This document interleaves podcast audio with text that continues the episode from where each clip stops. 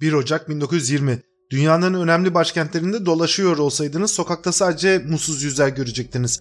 Berlin solunu tutmuş Versay Anlaşması'nın yürürlüğe girmesini bekliyordu. Anlaşmadan memnun olan bir kişi bile yoktu. Kızıl Ordu birlikleri Polonya sınırına dayanmıştı. Tam 10 tümen yeni yılı karşılıyordu. Kızıl korkuyu o günlerde yaşayanlar sadece Polonyalılar değildi. Okyanusun öte yakasında da kızıl panik yaşanıyordu. 1919 yılının Nisan ve Haziran aylarında Amerika'nın gündeminde terör saldırıları vardı.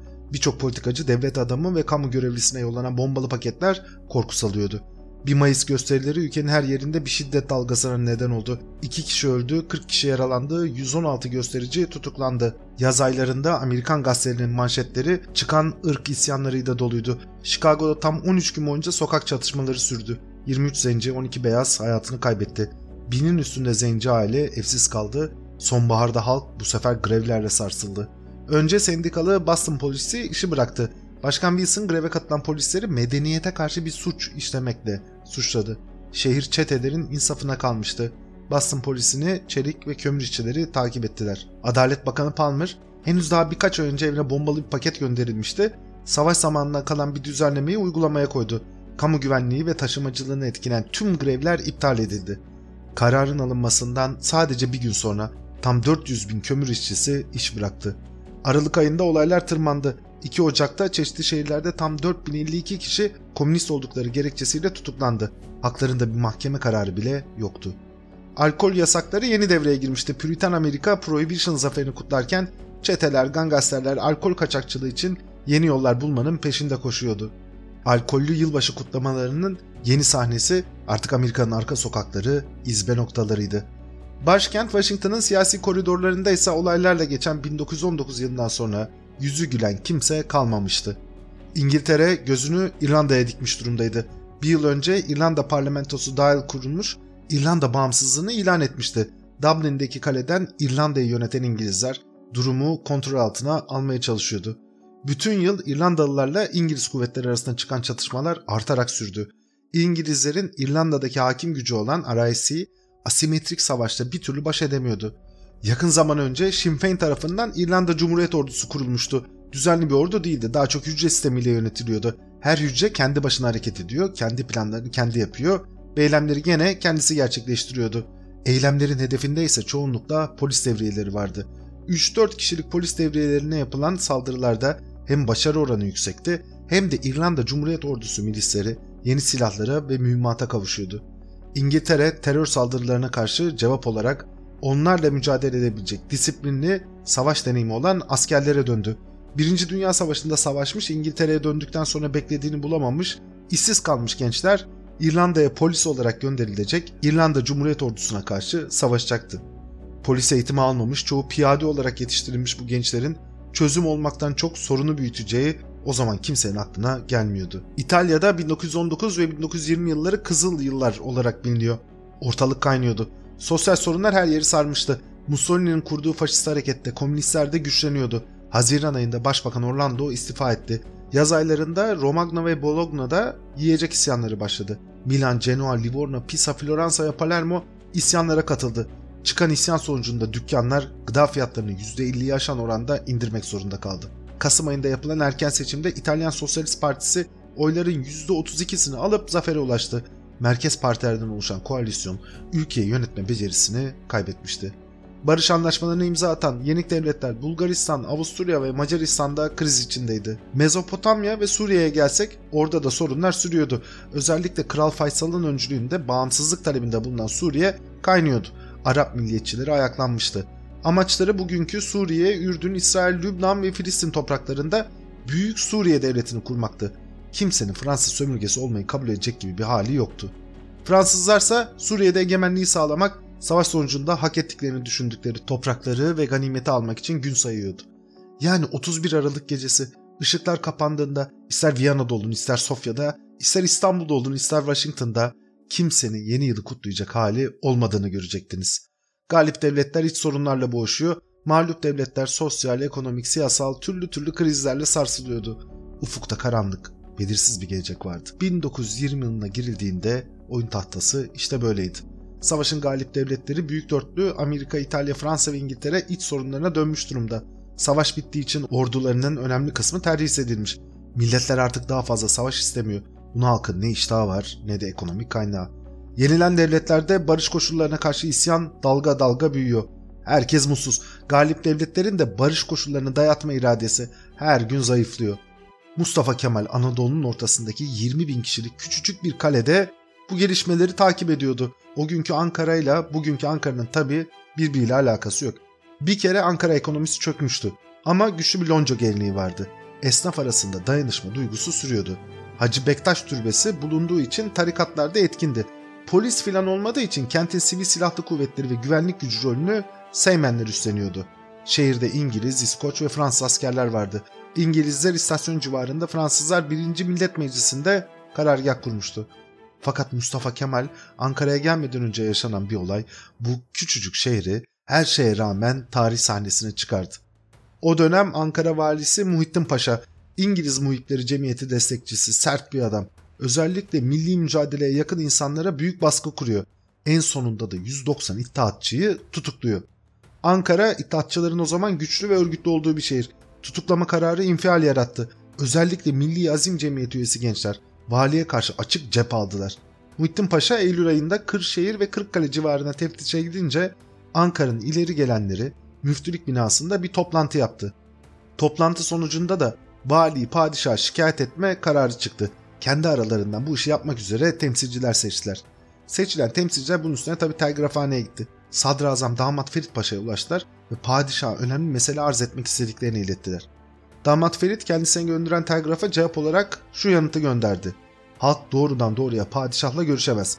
İleteceğiniz ne varsa bana arz edin, ben padişaha arz ederim. Ankaralılar bu cevabı kabul etmedi. Padişahla doğrudan görüşmek istediklerini belirtti. Damat Ferit de tutumunda ısrar etti. Millet doğrudan padişahla görüşemez diye bir kez daha cevap gönderdi. O dönem temsilciler arasında bulunan Hoca Atıf Efendi artık bu gitti geldi telgraf tartışmasına daha fazla dayanamadı. Tansiyon da yüksek, biraz sinirle öyleyse Ankaralılar da ne senin gibi sadrazamı ne de senin padişahını tanımıyor diye cevap gönderdi. Bir anda Ankara ile İstanbul arasındaki bütün bağlar koptu. Tarihe telgrafhane vakası olarak geçen bu olayı Mustafa Kemal öğrenince hemen Ankara'ya ulaştı. Memurların da İstanbul hükümeti ve padişahı tanımamasını talep etti. Ankaralılar bu talebi de yerine getirdiler. Hatta aralarından kendilerine yeni bir vali seçtiler, iş başına getirdiler. Anadolu Müdafaa Hukuk Cemiyeti Başkanlığı'na da meşhur Rıfat Börekçi seçildi. İstanbul'dan yeni atanan valiye de Rıfat Börekçi sert bir telgraf çekti ve Ankara'ya gelmemesini tembih etti. Ankara açıkça ayaklanmış durumdaydı. İstanbul hükümeti valiyi tehdit eden Rıfat Börekçi'yi idama mahkum etti. Yani Ankara üstünde İstanbul'un hiç mi hükmü kalmamıştı. Böylece bu küçücük kale Mustafa Kemal ve temsil heyeti açısından ülkedeki en güvenli nokta haline dönüştü. Mustafa Kemal yıllar sonra Ankara'yı neden merkez olarak seçtiği sorulunca bu hadiseleri anlatıp şöyle devam edecekti. Ben Ankara'yı coğrafya kitabından ziyade tarihten öğrendim. Tarihte Ankara Cumhuriyeti'ni görmüştüm. Tarih sayfalarının bana bir cumhuriyet merkezi olarak tanıttığı Ankara'ya ilk defa geldiğim o gün de gördüm ki aradan geçen asırlara rağmen Ankara'da hala o cumhuriyet kabiliyeti devam ediyor. Kendisi gibi İstanbul'a kafa tutan ve boyun eğmeyen bu şehir kalbinde sakladığı cumhuriyet fikrinin de sembolü olacaktı. 1 Ocak 1920 Ankara'dayız. İstanbul'da meclis toplanması bekleniyor. Yapılan seçimlerde milli mücadeleden yana olanlar büyük destek görüyor.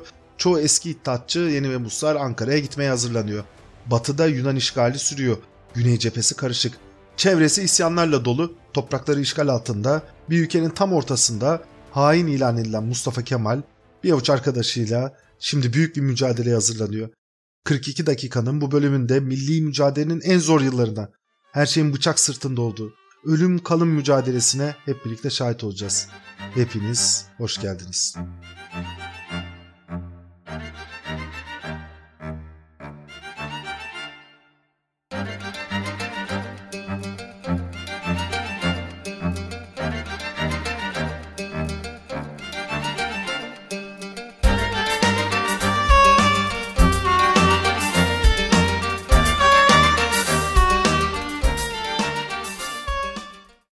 Şimdi haritaya bir daha bakalım. Batı cephesinde biliyorsunuz düzenli bir ordu yok. Yunanlılar Min hattında Ege bölgesinde ve bu bölgede Reddi İlhak cemiyetleriyle çeşitli çeteler aktif. Doğrudan işgalle karşı karşıya bulundukları için siyasi bir gündemleri falan da yok. kendi olanakları kapsamında işte mücadele etmeye çalışıyorlar. Bölge halkı yorgun ve bitkin.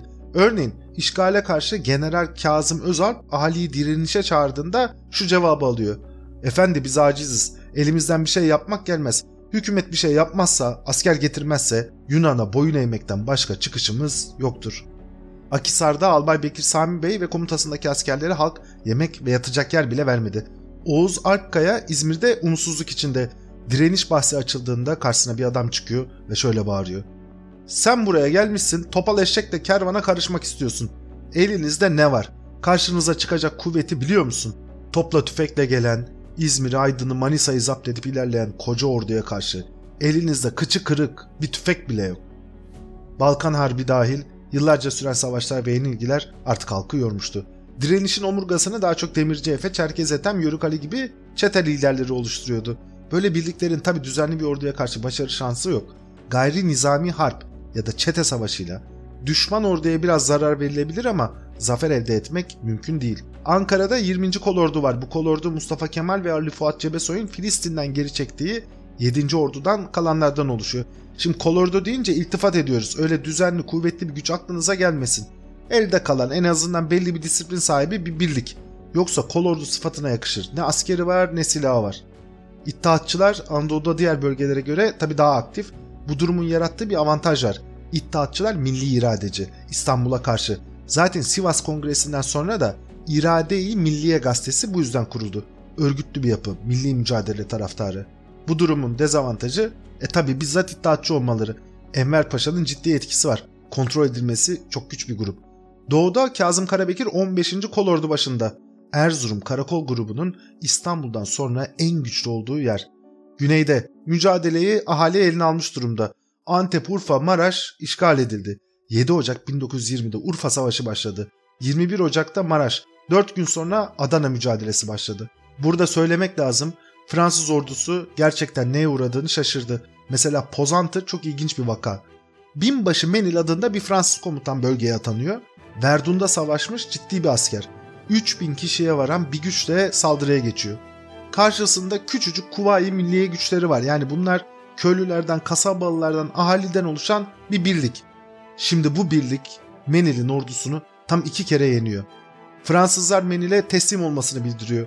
Menil bu tavsiyeye uymuyor. Emrindeki kuvvetlerle Toroslar içinde harekete geçiyor.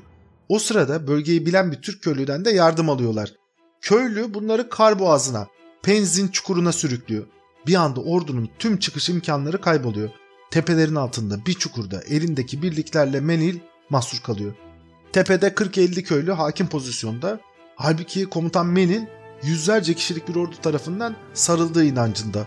Sağa gidiyor, sola gidiyor, birlikleriyle hareket ediyor. Çıkış olmadığını anlayınca da asil Türk ordusuna teslim olacağını bildiriyor. At üstünde askerlerine, şerefli Türk ordusuna teslim olmakla teselli buluyorum. Hayatımız emniyet altındadır diye tumturaklı bir emir veriyor. Halbuki gerçekte olan 50 köylü 530 Fransız askerini teslim alıyor.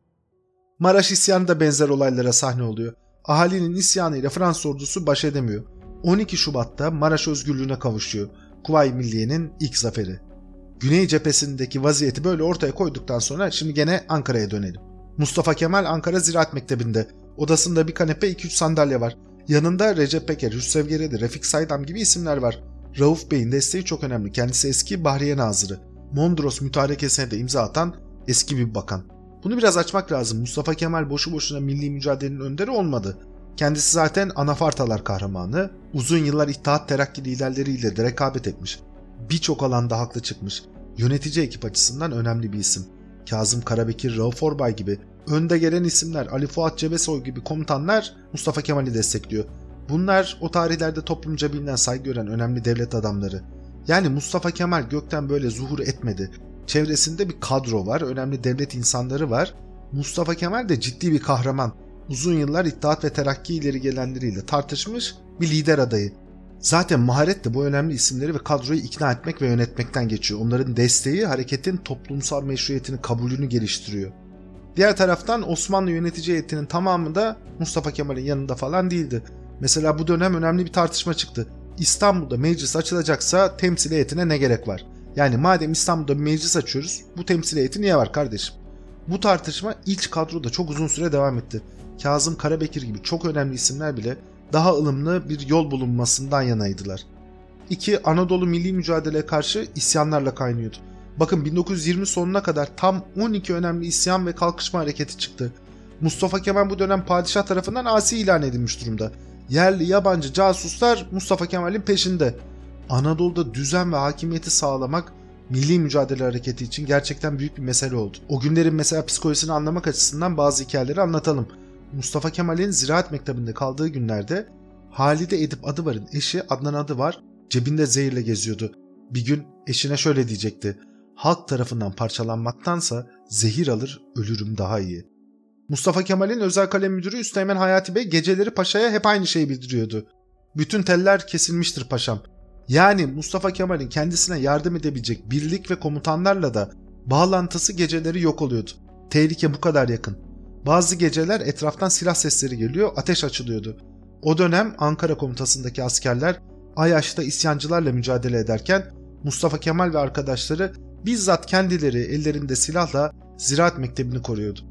Bir de o günlerde Mustafa Kemal'in böbrek rahatsızlığı var. Geceleri ateşler içinde kıvranıyor.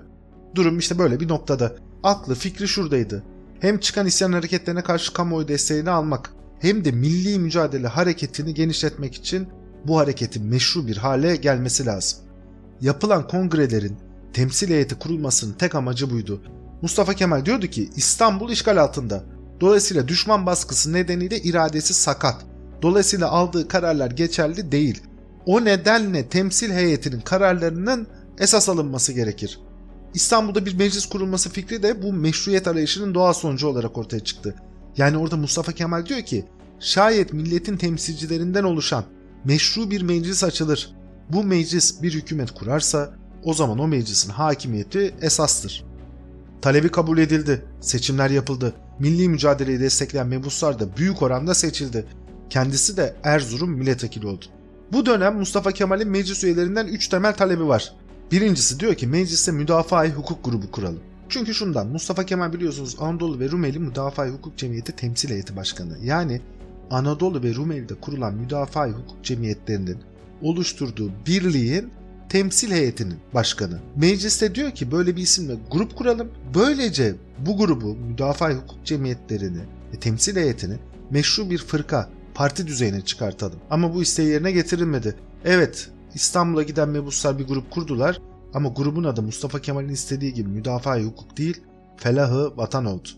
Mustafa Kemal'in ikinci talebi meclis başkanlığına seçilmekti. Esasında kendisi İstanbul'a gitmedi. İstanbul'a gitmesi halinde olacak olan belli. Diyordu ki siz beni meclis başkanlığına seçin, meclisi başkan vekili de nasılsa idare eder. Ama meclis kapatılır veya meclise bir şey olursa meclis başkanı sıfatıyla ben burada Ankara'da meclisi toplarım. Seçilen milletvekilleri buna da yanaşmadılar. İstanbul'a giden milletvekilleri aralarından bir başkan seçtiler. Üçüncü talebi meclis açılmadan önce mebusların Ankara'da toplantı yapmasıydı. Bu da gerçekleşmedi. Yani Mustafa Kemal evet meclis açılması fikrini kabul ettirdi ama mebuslar arasında destekçisi azdı. Milletvekilleri Mustafa Kemal kadar ileri bir seviyede değildi. Hatta Mustafa Kemal'e göre çok temkinli ve yumuşaktılar. Dönemin ruh açısından bunu da anlamak mümkün. İngiliz işgali sürüyor. Padişah meclisi açtırmak istemiyor. Hatta açık açık Ali Rıza Paşa'ya meclisi açmasak ne olur diye soruyor. Dolayısıyla meclis üyeleri meclisi açık tutmak için nazik bir diplomasi yürütmeye çalışıyordu. Meclisi açmama taraftarı padişaha koz vermemek için o dönem daha radikal taleplerde bulunduğu düşünülen Mustafa Kemal'in talepleri de geri çevriliyordu. Mustafa Kemal de tabi bu durumu bilmiyor değil. O da bu talepleri tam bu yüzden yapıyor. Yani meclis üyeleriyle bir diplomasi oyunu yürütüyor. Meclis üyelerinin yerine getirmesi mümkün olmayan ileri taleplerle onları sıkıştırıyor. Kendisi meclisin açık kalmayacağına inanmış durumdaydı. Meclis kapatılınca bütün mebuslara bakın ben demiştim dediğim noktaya geldiniz gelin Ankara'ya şu meclisi kuralım demek için bu ileri taleplerde bulunuyordu.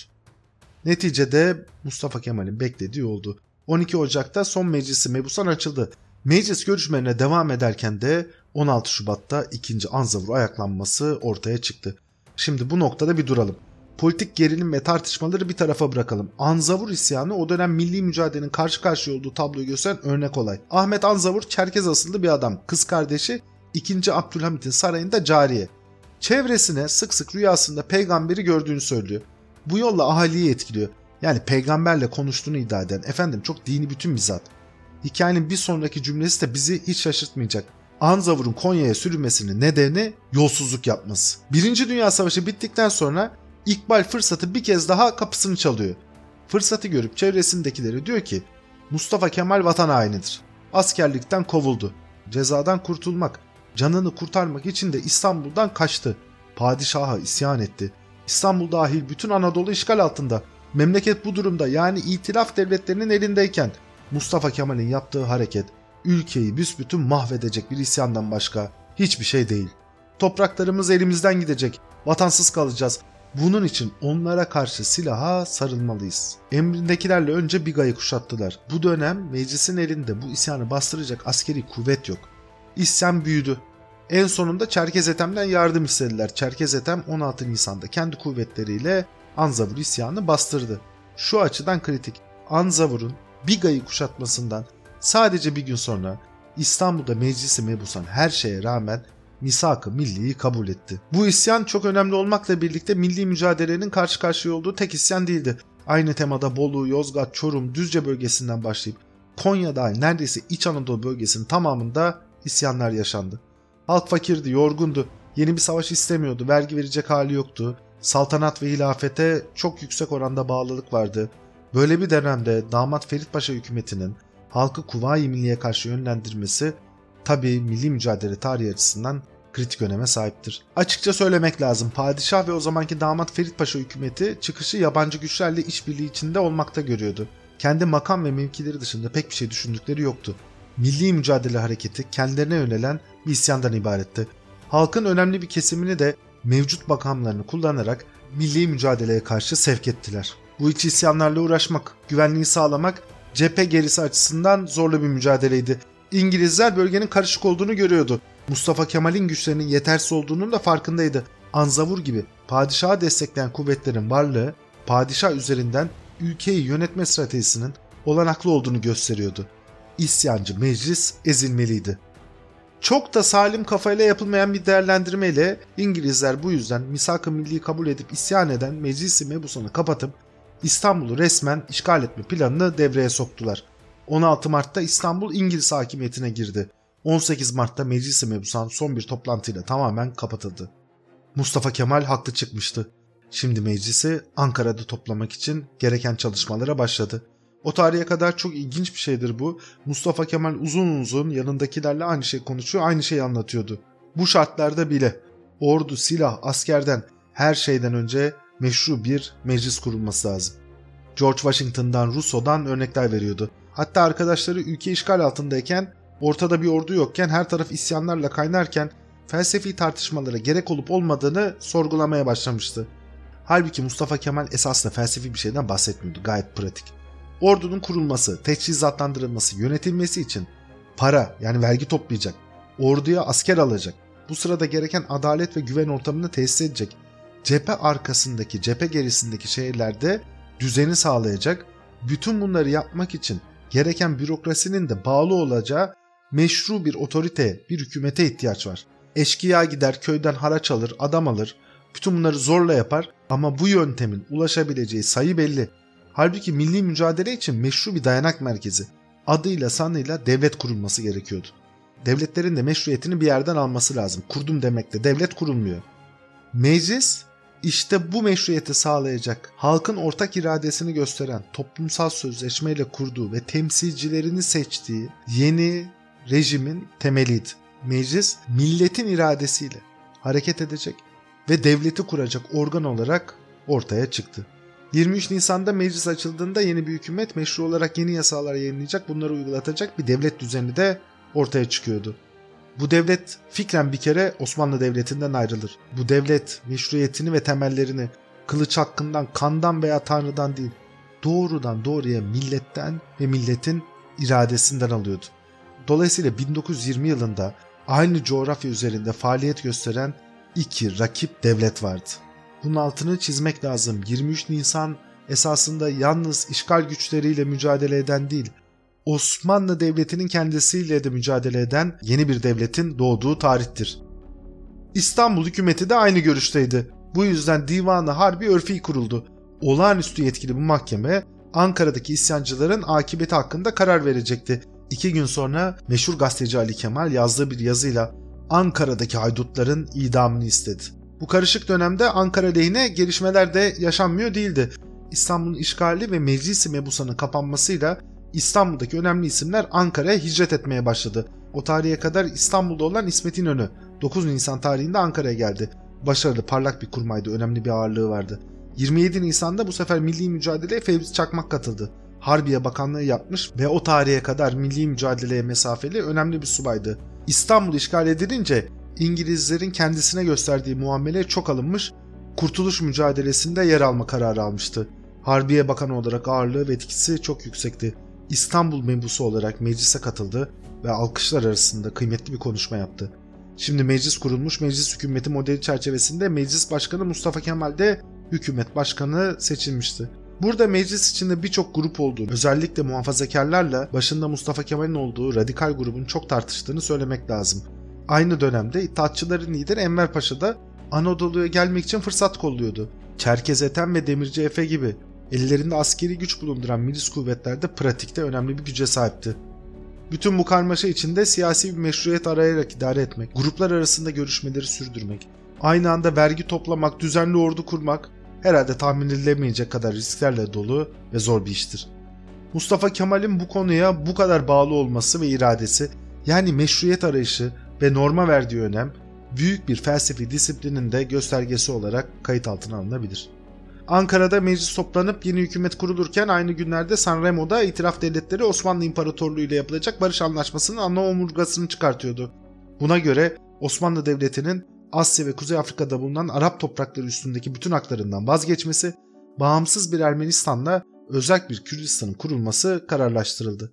Ayrıca Osmanlı Devleti'nin eski Suriye topraklarında 2A tipi denilen manda teşkil edilerek Suriye ve Lübnan'ın Fransa, Filistin'in ise Birleşik Krallığın idaresine bırakılması, Irak topraklarının da Birleşik Krallığın mandasına girmesi kararlaştırıldı.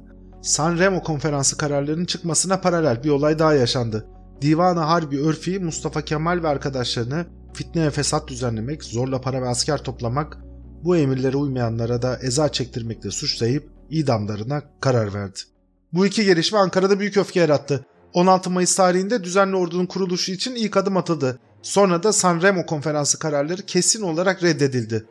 Ankara resti görmüş, reste reste karşılık vermişti. Artık kendisini korumak için düzenli bir ordu kuracak, savaşı bu orduyla yönetecek ve bu arada işgal güçleriyle de sonuna kadar savaşacaktı. 24 Mayıs'ta Vahdettin de resti gördü ve Mustafa Kemal ve arkadaşları hakkındaki idam kararlarını onayladı. Şimdi zarlar atılmıştı. Karşımızda iki tane taraf var. Birinci tarafta Vahdettin ve damat Ferit. Bunların görüşüne göre büyük güçlerle savaşılmasının hiçbir yolu yoktu. Büyük güçler gelip Türkiye'de tozu dumanı atarlardı ve bütün ülkeyi işgal ederlerdi.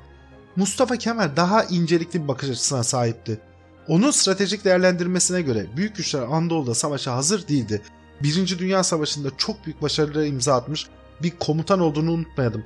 Dönemin askeri tekniğine hakim. Vahdettin ise hemen hemen hiçbir şey bilmiyor. Dolayısıyla Mustafa Kemal şöyle düşünüyordu. Yunan askeri taarruzu ilerledikçe lojistik hatları zorlanacak. Bu kadar geniş bir coğrafyada bu coğrafyayı ellerinde tutacak askeri imkan ve kabiliyete sahip olamayacaklar. Bu görüşte olan bir tek kendisi de değildi. Anadolu'nun coğrafi şartlarına bakarak İngiltere de bizzat savaşa girmiyordu. Bu işin taşeronluğunu Yunanistan'a bırakmış durumdaydı. Ve üstelik Yunan hükümetini İngiltere dışında güçlü bir şekilde destekleyen kimse de yoktu. Fransa Yunanlıların bölgede hakim güç olmasındansa Ankara hükümetiyle anlaşarak bölgedeki ekonomik çıkarlarını koruyabileceğini düşünüyordu. İtalya ise kendisine karşı verilen sözler tutunmadığı için İngiliz destekli Yunanistan yerine Ankara hükümetiyle çalışmaya razıydı. Hatta meclis hükümetini desteklemeyi bile düşünüyordu. İngiliz hükümetinin içerisinde bile görüş farklılığı vardı. Mesela bölgeyi iyi bilen Dışişleri Bakanı Lord Curzon, Lord George'a gereken uyarıyı şöyle yapacaktı. Venizelos Türkleri dağlara süreceğini sanıyor. Sonucun bu olacağını hiç sanmıyorum. Yunan hükümeti bu şartlara rağmen Anadolu'nun işgali veya barış şartlarının dikte edilmesi için ordusunu tahkim etmeye başladı. 60 bin kişilik Yunan ordusu 100 bin sayısına çıkartıldı. Aynı anda Mavrimira adı verilen Rum çeteleri de faaliyetlerini arttırdılar. Ege bölgesinde özellikle Türk köylülere yönelik düzenli saldırılar ve tetiş hareketleri başladı. Anadolu köylüsü öldürülüyor, kadınlara tecavüz ediliyor, ortada güvenlik namına hiçbir şey kalmıyordu. Olaylar hızla tırmandı. 14 Haziran'da İzmit'te milli mücadele yanlısı çetelerle İngiliz birlikleri arasında çıkan bir çatışma Lord George ve Venizelos'a bekledikleri mazereti verdi. Venizelos zamanın geldiği düşüncesindeydi. İngiliz Başbakanı Lord George da umutluydu. 22 Haziran'da Yunan birlikleri Nil hattını geçerek yaz taarruzuna başladı. Saldırının temel amacı Ankara'da olgunlaşan milli mücadele hareketini bastırmak, Osmanlı'yı bir barış anlaşmasına mecbur etmek ve Yunan kazanımlarını tahkim etmekti. Düzensiz birliklerle karşılaşan Yunan kuvvetleri çok büyük bir hızla bölgeyi ele geçirdi. Ağustos ayına gelindiğinde Edirne ve Balıkesir dahil bölge tamamen Yunan hakimiyetindeydi. Yunanlılar bir anda 240 kilometre ilerlediler. Bu noktada Fransız ve İngiliz hükümetleri gayet memnun Yunan ordusunun durmasını talep etti. 10 Ağustos'ta İstanbul hükümeti ile İtilaf kuvvetleri arasında bir porselen fabrikasında Sevr Anlaşması imzalandı. Anlaşmaya göre hemen hemen Güneydoğu Anadolu bölgesi Fransız, Akdeniz bölgesi ta Çanakkale'ye kadar İtalyan egemenliğine bırakılıyordu. Batı Ege Yunan hakimiyetine verildi. Trabzon dahil Doğu Anadolu bölgesine bir Ermeni ve Güneydoğu Anadolu bölgesinin önemli bir kısmında Kürt devleti kurulması planlanmıştı. Anlaşma çerçevesinde Osmanlı ekonomisinin yönetimi de Duyunu Umumiye İdaresi'ne geçiyor. Yani basitçe söylemek gerekirse Osmanlı Devleti topraklarının büyük bir kısmını kaybediyor ve küçücük bir sömürge durumuna düşüyordu. İstanbul hükümeti bu anlaşmayı imza atmasına rağmen herkesin gözü Ankara'daydı. Herkes şunu çok iyi biliyordu. İstanbul hükümeti kabul etsin etmesin anlaşma ancak Ankara kabul ederse uygulanabilir. 19 Ağustos'ta Ankara Sevr Anlaşması'nı tanımadığını ve bu anlaşmayı imza atan herkesin vatan haini olduğunu ilan etti. Yunan kurma heyeti bir değerlendirme yaptı. Bu şartlar altında ordunun ilerlemeye devam etmesi gerektiği görüşündeydi. Stratejik tren yollarının hakimiyeti alınıp Ankara ele geçirildikten sonra Yunan ordusu durabilirdi. Venizelos ise bu konuda şüpheliydi. Birincisi her zaman Yunan ordusunun İngiliz korumasına alınacağını düşünüyordu. Halbuki bu gerçekleşmedi. Padişahın kurduğu hilafet ordusunun Yunan birliklerine katılmasını umuyordu. Ama bu birlikler çok düzensizdi ve işlerindeki askerlerin önemli kısmı daha sonra milli mücadeleye katılacaktı. Daha önemlisi Venizelos'un önünde ileride bir seçim vardı ve halk yorulmuş durumdaydı. İşte Mustafa Kemal bu durumdan yararlandı. Fransa ile yapılan bir ateşkes anlaşması ve sonra Sovyetlerden gelen yardımlar tam zamanında yerini buldu. 24 Ekim'de Yunan cephe gerisine yönelik stratejik bir saldırı olan Gediz taarruzu başladı. İki önemli sonucu var. Birincisi kısmi başarı elde edildi, Yunan ilerlemesi durdu. İkincisi Çerkez Ethem'in birlikleri yüzünden burada beklenen başarı elde edilemedi. Bu da Mustafa Kemal'in eline çeteleri temizlemek için önemli bir koz verdi. 6 Kasım'da meclis ordusu Doğu cephesinde Ermenilere karşı önemli bir başarı kazandı. Ermeniler mütareke istemek zorunda kaldılar. Bölgedeki birlikler de böylece boşa çıktı. Bunun verdiği imkanlarla iki gün sonra Batı cephesi ikiye ayrıldı. Kumandanlıklarına İsmet İnönü ve Refet Bele getirildi. İşte kıyamet de bundan sonra koptu. Çerkez Ethem meclis orduları komutası altına girmeyi reddetti. Değişik bir adamdı. 1920 yılında Nisan ve Mayıs aylarında önce Anzavur isyanını daha sonra Ankara'yı tehdit eden Düzce ve Adapazarı civarındaki isyanları bastırdı. Bu başarılarıyla büyük şöhret kazandı. Yozgat'ta isyan çıkınca kendisi en başta gitmek istemedi. Buna rağmen ısrar edildi. Birliklerini oraya yönlendirdi. Bir hafta içinde buradaki isyanı da bastırdı. Bu yüzden Ankara hükümetine saygısı gittikçe azalmıştı. Yanı başındaki Yozgat isyanını bile bastırmaktan aciz bir grup adam gözüyle bakıyordu. Yozgat olaylarının Ankara valisi Yahya Galip Bey'in ihmalinden kaynaklandığını ileri sürdü ve valinin cezalandırılmasını istedi. Mustafa Kemal buna kati surette karşı çıktı. Çerkez Ethem ısrarcıydı. Yahya Galip'in cezalandırılmasını talep ediyordu. Hükümete rağmen meclisin çoğunluğu da onun tarafındaydı. Bu çekişme Çerkez Ethem'in bir gün sinirlenip Ankara'ya gider meclis reisini yani Mustafa Kemal'i meclis önünde asarım demesiyle daha da ileri bir seviyeye ulaştı. 23 Aralık'ta Çerkez Ethem'e bir nasihat heyeti gönderildi. Ama onların çabaları da boşaydı. 4 gün sonra Çerkez Ethem birlikleriyle birlikte isyan etti. 29 Aralık'a gelindiğinde Kütahya meclis ordusu tarafından ele geçirildi. Muharebeyi kaybeden Çerkez Ethem Gediz bölgesine doğru kaçtı. Ankara bir nefes almıştı. Atina'da Yunanistan kralı Aleksandros evinin bahçesinde yürürken bir hizmetliye ait makak maymununun kendi köpeğine saldırdığını gördü. İki hayvanı birbirinden ayırmak için hızla müdahale etti. Bu sırada maymun kralı ısırdı ama uygun bakım yapılmadı. Kral olayın duymasını çok istemiyordu, ısırığı da çok önemsemiyordu. Halbuki yarası iltihap kapmıştı. 19 Ekim'de sinir krizleri geçirmeye başladı. Annesini görmek istiyordu. Halbuki annesi İsviçre'de sürgündeydi. Krala annesini göremeyeceği söylendi. Günler geçti. Kralın hastalığı ilerledi. Hatta Yunan hükümeti annesine de bu yüzden ülkeye dönme hakkı tanıdı. Annesi zorlu bir yolculuk geçirdi. Ne yazık ki Atina'ya geldiğinde her şey için çok geçti. Oğlu kan zehirlenmesi nedeniyle ölmüştü. 25 Ekim'de yani Gediz Muharebesi'nden bir gün sonra Venizelos'un destekçisi Kral Alexander hayatını kaybetti. Şimdi ortaya ciddi bir rejim sorunu çıkmıştı. Yunanistan tam 8 yıldır savaşıyor, Yunan çocukları cephelerde ölüyordu. Halkın sonu belli olmayan bir savaşa daha fazla tahammülü de isteği de kalmamıştı. Muhafazakar partiler halka barış ve refah vaat ettiler. 1917 yılında İngiliz ve Fransız baskısıyla tahtı bırakan Balkan Savaşı kahramanı Konstantin tahta dönecek, Yunanistan en sonunda huzura kavuşacaktı. Seçimleri Venizelos kaybetti. Arkasından yapılan plebissit sonrasında halkın %99'u Konstantin'in tekrar kral olarak Yunanistan'a çağrılmasından yanaydı. Kral üstelik bir Alman hayranıydı. Fransa ve İngiltere hükümetleri gerçekten şok geçirdiler. Onca savaştan ve yaşanan şeyden sonra bir Alman hayranının, üstelik kendilerinin karşı çıktığı bir adamın taş takması kabul edilemez bir gelişmeydi. Lord George hükümetinin zaten evinde uğraşması gereken büyük bir kriz vardı. İRA, İrlanda Cumhuriyet Ordusu bir süredir Kahire çetesi denilen İngiliz istihbarat ağının da çekirdeğinde yer alan 18 yüksek rütbeli askerin peşindeydi. 21 Kasım günü gelen bir istihbarat üzerine İrlanda Cumhuriyet Ordusu özel timleri Dublin'in dört bir tarafına dağıldı. Kahire ekibi üyesi 15 kişi öldürüldü. Kalanlar kaçtı. İngiliz birlikleri intikam almak için şehrin çeşitli noktalarına dağıldı. Yerber Bray, Croke Park'ta oynanan bir futbol maçının basarak orada bulunan herkesin aranmasını ve itaat etmeyen herkesin de öldürülmesini emretti. Yani 20. yüzyılın başı işte bu kadar sertti. O gün maçı izlemeye tam 15 bin insan gelmişti. Çıkan olaylarda 14 sivil öldürüldü, 60'ın üstünde insan yaralandı. Bloody Sunday ile İrlanda kaynıyordu. Üstünde güneş batmayan imparatorluk şimdi gözünü hemen yanı başındaki isyan eden bu adaya çevirmiş durumdaydı. Yunanlar Konstantin'i seçlerse bu da artık onların sorunuydu. Megaloidea'nın sahibi Venizelos oyun dışına çıkmış, Dimitrios Rallis hükümeti ise Anadolu'daki bir savaşta baş başa kalmış durumdaydı.